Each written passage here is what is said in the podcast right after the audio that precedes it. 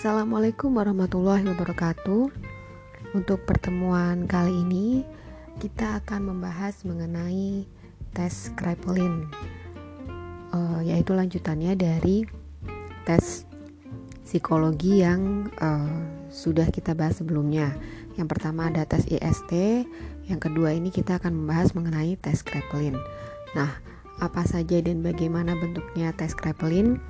Baik, akan saya jelaskan. Silakan sekalian disimak oh, powerpointnya begitu ya. Ya. Uh, sebelumnya kita perlu mengetahui mengenai fungsi tes psikologi, begitu ya, hakikat tes psikologi.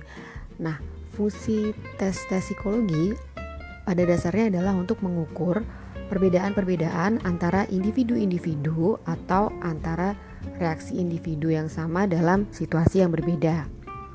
Salah satu masalah awal yang merangsang pertumbuhan tes-tes psikologi itu adalah adanya identifikasi orang-orang yang terbelakang mentalnya. Nah, kemudian uh, muncullah sebuah tes psikologi yang pada dasarnya uh, itu merupakan alat ukur yang objektif dan dibakukan atas sampel perilaku. Nah, nilai diagnostik atau prediktif sebuah tes psikologi itu tergantung pada sejauh mana tes itu menjadi indikator dari bidang perilaku yang relatif luas dan signifikan. Kemudian, saya akan membahas mengenai sejarah tes Kraepelin. Begitu ya. Sejumlah rangkaian tes uh, ini mengenai sejarah tes Kraepelin. Jadi pada awalnya sejumlah rangkaian tes yang disusun oleh psikolog Amerika pada masa masa lalu pada pada masa itu cenderung meliputi fungsi-fungsi yang agak kompleks. Nah, Kraepelin ini seorang um, tokoh dari Jerman gitu ya yang bernama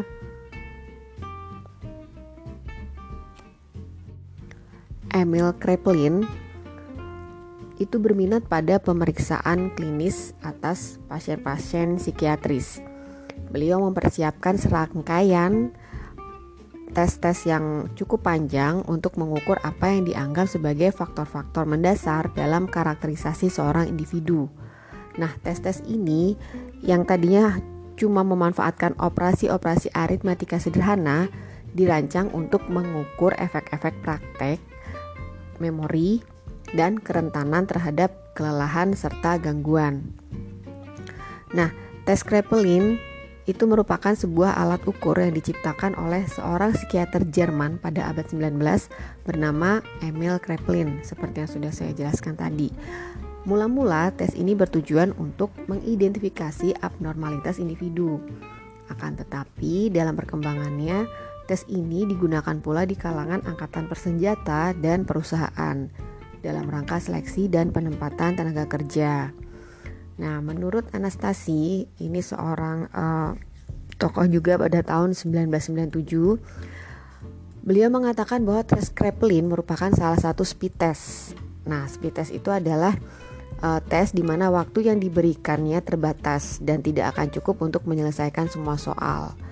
Begitu. Nah, jadi dengan demikian pada tes ini, pada tes Kraepelin ini, Testi memang tidak diharapkan untuk dapat menyelesaikan sepenuhnya setiap deret. Jadi yang diharapkan dari Testi adalah uh, kita dapat melihat kecepatan kerja Testi, sejauh mana Testi dapat bertahan dalam mengerjakan suatu tes Kraepelin tersebut. Begitu. Selain kecepatan kerja, faktor lain yang dapat dilihat dari tes Kraepelin ini adalah ketelitian, konsentrasi, dan stabilitas kerja.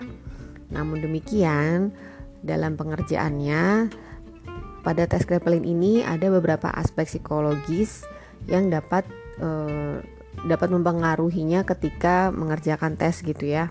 Antara lain persepsi visual, koordinasi sensori motorik, ketahanan dan learning effect.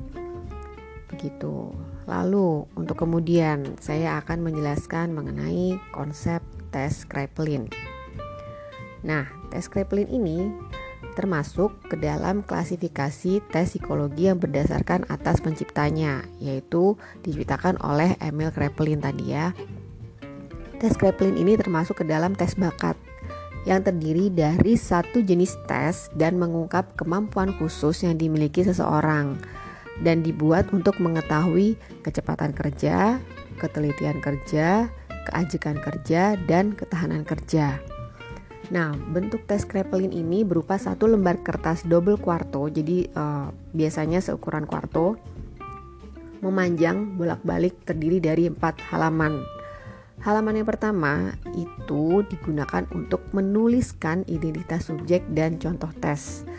Jadi ada pengerjaan uh, contoh tesnya di situ. Setelah subjek menuliskan identitasnya, diminta untuk melakukan contoh tesnya dulu harapannya ketika tes dimulai tidak ada uh, kesalahan atau uh, subjek sudah memahami tes yang akan dilakukan gitu. Jadi ada sampelnya dulu di depannya.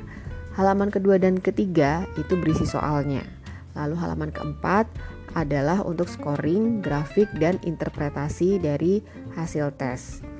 Begitu. Lalu selanjutnya ada lembar tes. Lembar tesnya itu te, apa dalam bentuk uh, satu lembar yang terpakai habis.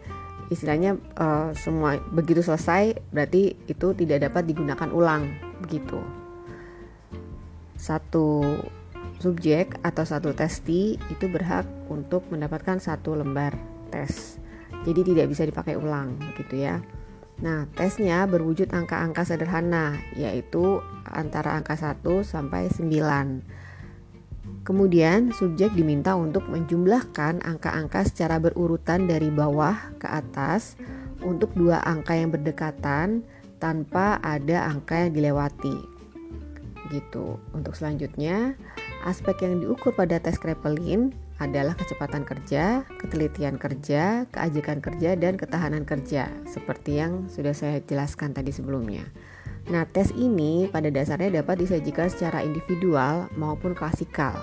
Jadi kalau misalkan tes di hanya ada satu orang, itu tetap bisa berjalan atau dalam jumlah yang banyak 10, 20 atau bahkan um, kalau ratusan saya belum pernah menjumpai ya. Oh iya pernah bisa uh, karena instruksi di awal uh, berlaku sama untuk semuanya begitu ya. Lalu, waktu keseluruhan yang diperlukan untuk pengerjaan tes kurang lebih 20 menit. Nah, 20 menit ini perinciannya adalah pengisian identitas subjek itu kurang lebih waktunya 4 menit. Untuk instruksi kurang lebih 2 menit, latihan 1 menit, lalu mengerjakan soal 12 setengah menit. Biasanya tes Kraepelin ini sangat sering digunakan untuk kepentingan uh, untuk kepentingan seleksi, promosi, dan mutasi dalam bidang kerja atau jabatan dalam lingkup psikologi industri gitu ya.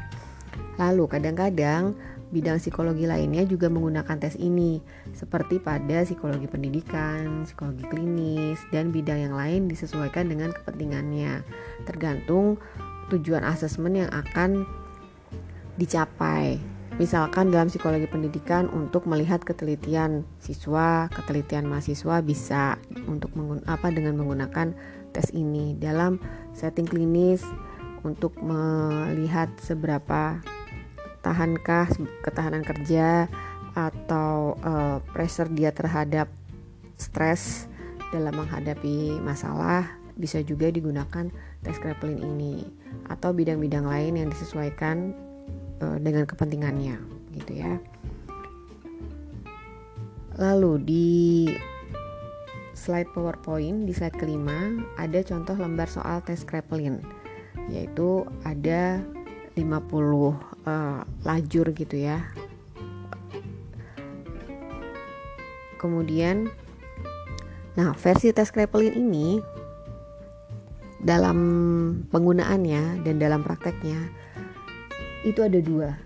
Yang pertama tes Kraepelin versi UGM, dan yang kedua tes Kraepelin versi UI. Nah, Untuk yang tes Kraepelin versi UGM ini, setiap deret diberi waktu 15 detik. Dan setiap 15 detik nanti ada aba-aba untuk segera pindah mengerjakan ke deret yang berikutnya. Sampai 50 kali pindah deret gitu. Jadi Testi diminta untuk mengerjakan deret yang pertama atau lajur yang pertama semaksimal mungkin, sebisanya.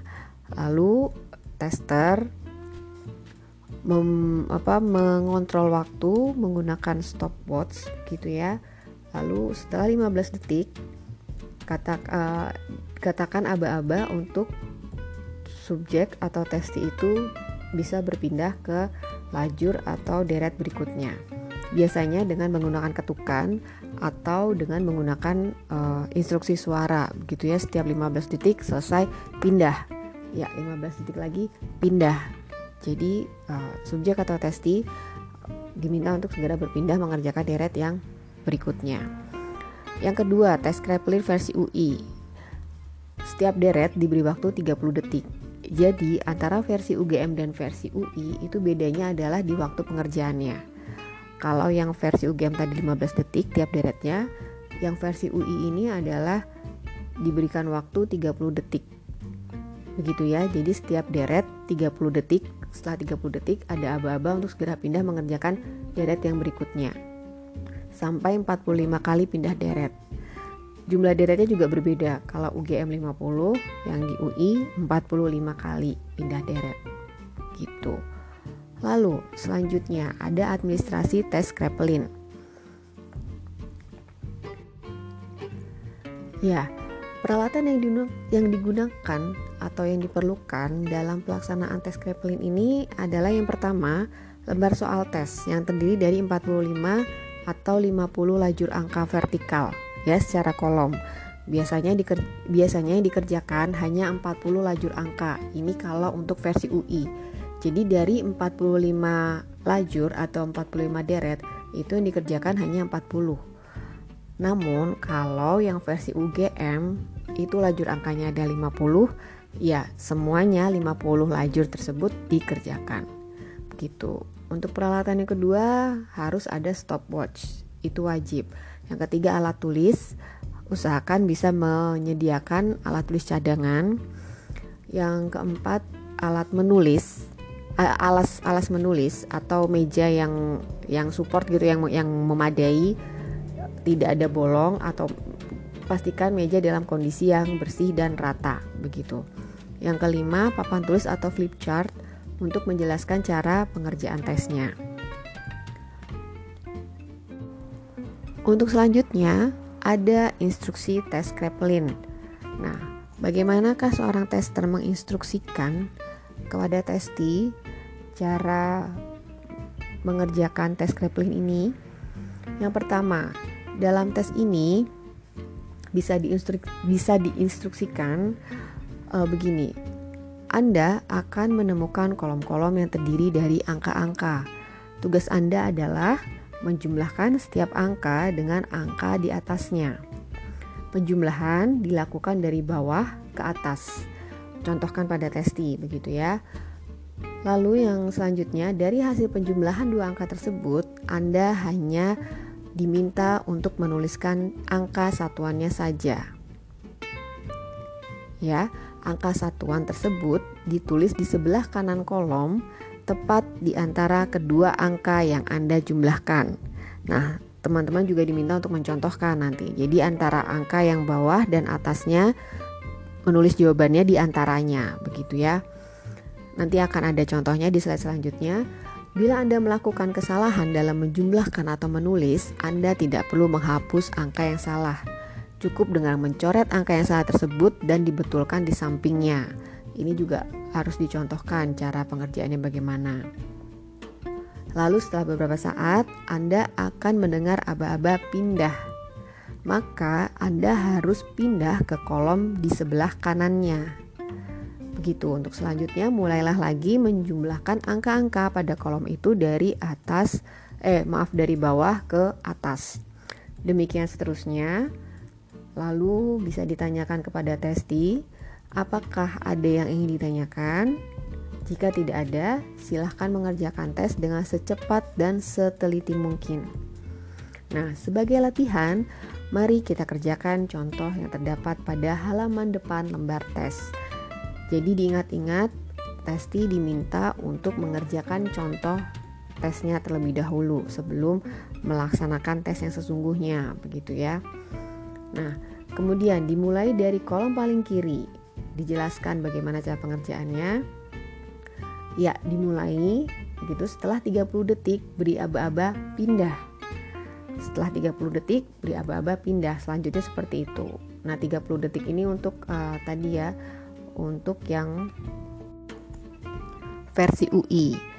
Untuk versi UI 30 detik, untuk Kreplin yang versi UGM waktunya adalah 15 detik untuk pindah. Kemudian, jika sudah selesai, silahkan letakkan alat tulis Anda. Lalu periksa hasil pengerjaan contoh testi. Jadi tester diwajibkan untuk memeriksa hasil pengerjaan contoh contoh soal ya, contoh soal Kreplin yang dikerjakan oleh testi. Pastikan testi mengerjakan dengan cara yang benar. Jika uh, kita abai dalam mengecek pekerjaan testi yang pada kolom contoh, dikhawatirkan nantinya testi salah menjawab dan kemudian berdampak pada hasil tes. Yang dirugikan adalah testinya, begitu ya uh, kasihan kalau begitu pada akhirnya. Lalu kemudian ada instruksi lanjutan. Instruksi lanjutannya adalah silahkan buka kertas di hadapan Anda. Kemudian setelah semua membuka lembar kertas tes, tester katakan siap. Jika sudah siap, silahkan dimulai dari sekarang.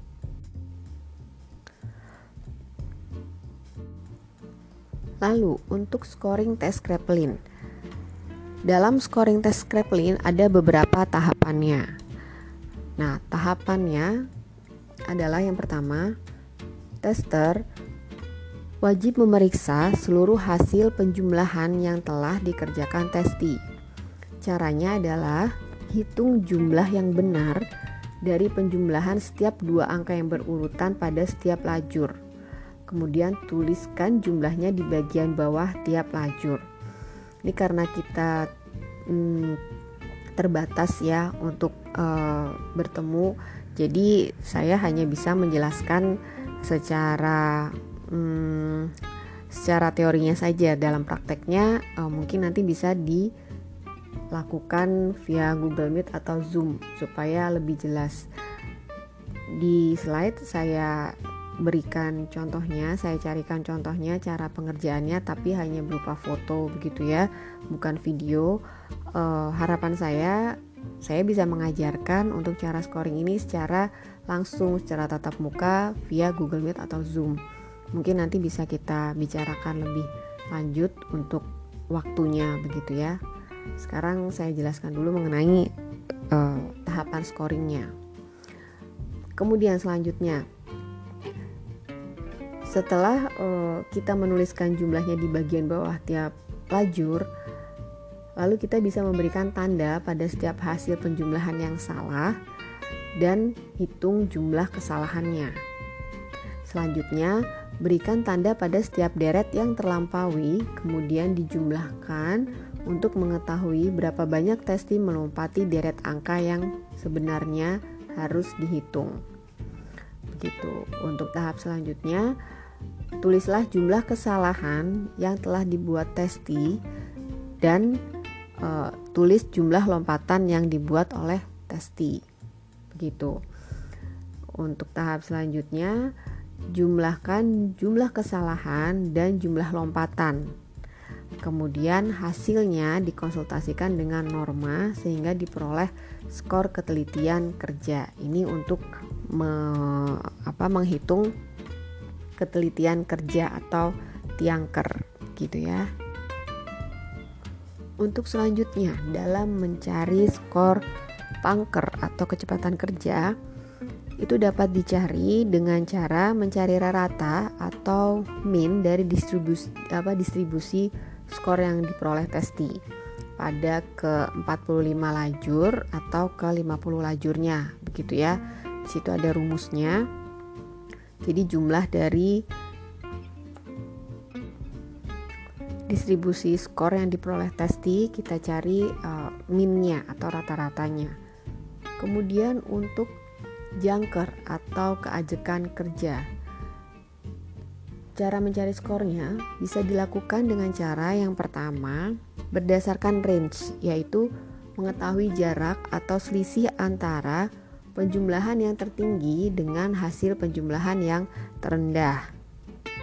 Atau bisa juga dicari dengan berdasarkan average deviation, yaitu keajekan kerja e, dapat dicari setelah kita membuat tabel distribusi frekuensi gitu ya dan uh, telah menghitung raratanya.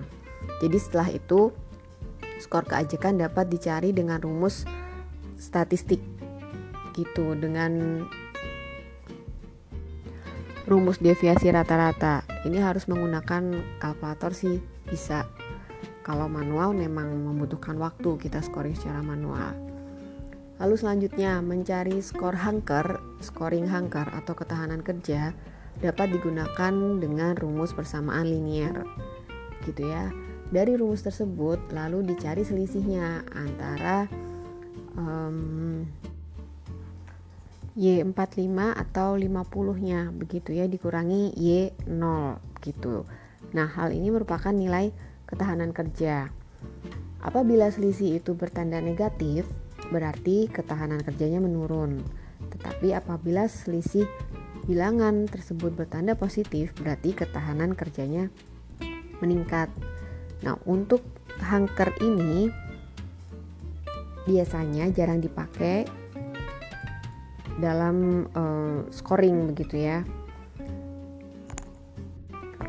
Hunker ini seringnya dipakai untuk melihat ketahanan kerja pada pekerjaan tertentu. Jadi untuk lebih validnya atau biasanya kita dalam setting industri itu lebih sering menggunakan Pauli untuk menguji atau mengetes ketahanan kerja. Karena waktu yang dipakai dalam tes Pauli itu lebih lama. Durasinya lebih panjang, kurang lebih satu jam. Satu jam itu uh, testi diminta untuk mengerjakan soal yang sama gitu ya soal aritmatika yang sama yaitu sama hitung-hitungan kayak Kreplin hanya saja uh, waktunya lebih panjang kurang lebihnya satu jam gitu jadi uh, kalau untuk mengukur hangkernya sendiri karena ini bisa dihitung pakai rumus persamaan linier dan kurang lebihnya memang cukup rumit, maka dalam setting industri biasanya hal ini agak diabaikan gitu. Kita lebih kalau untuk melihat ketahanan kerjanya sendiri, kita bisa memakai Pauli gitu.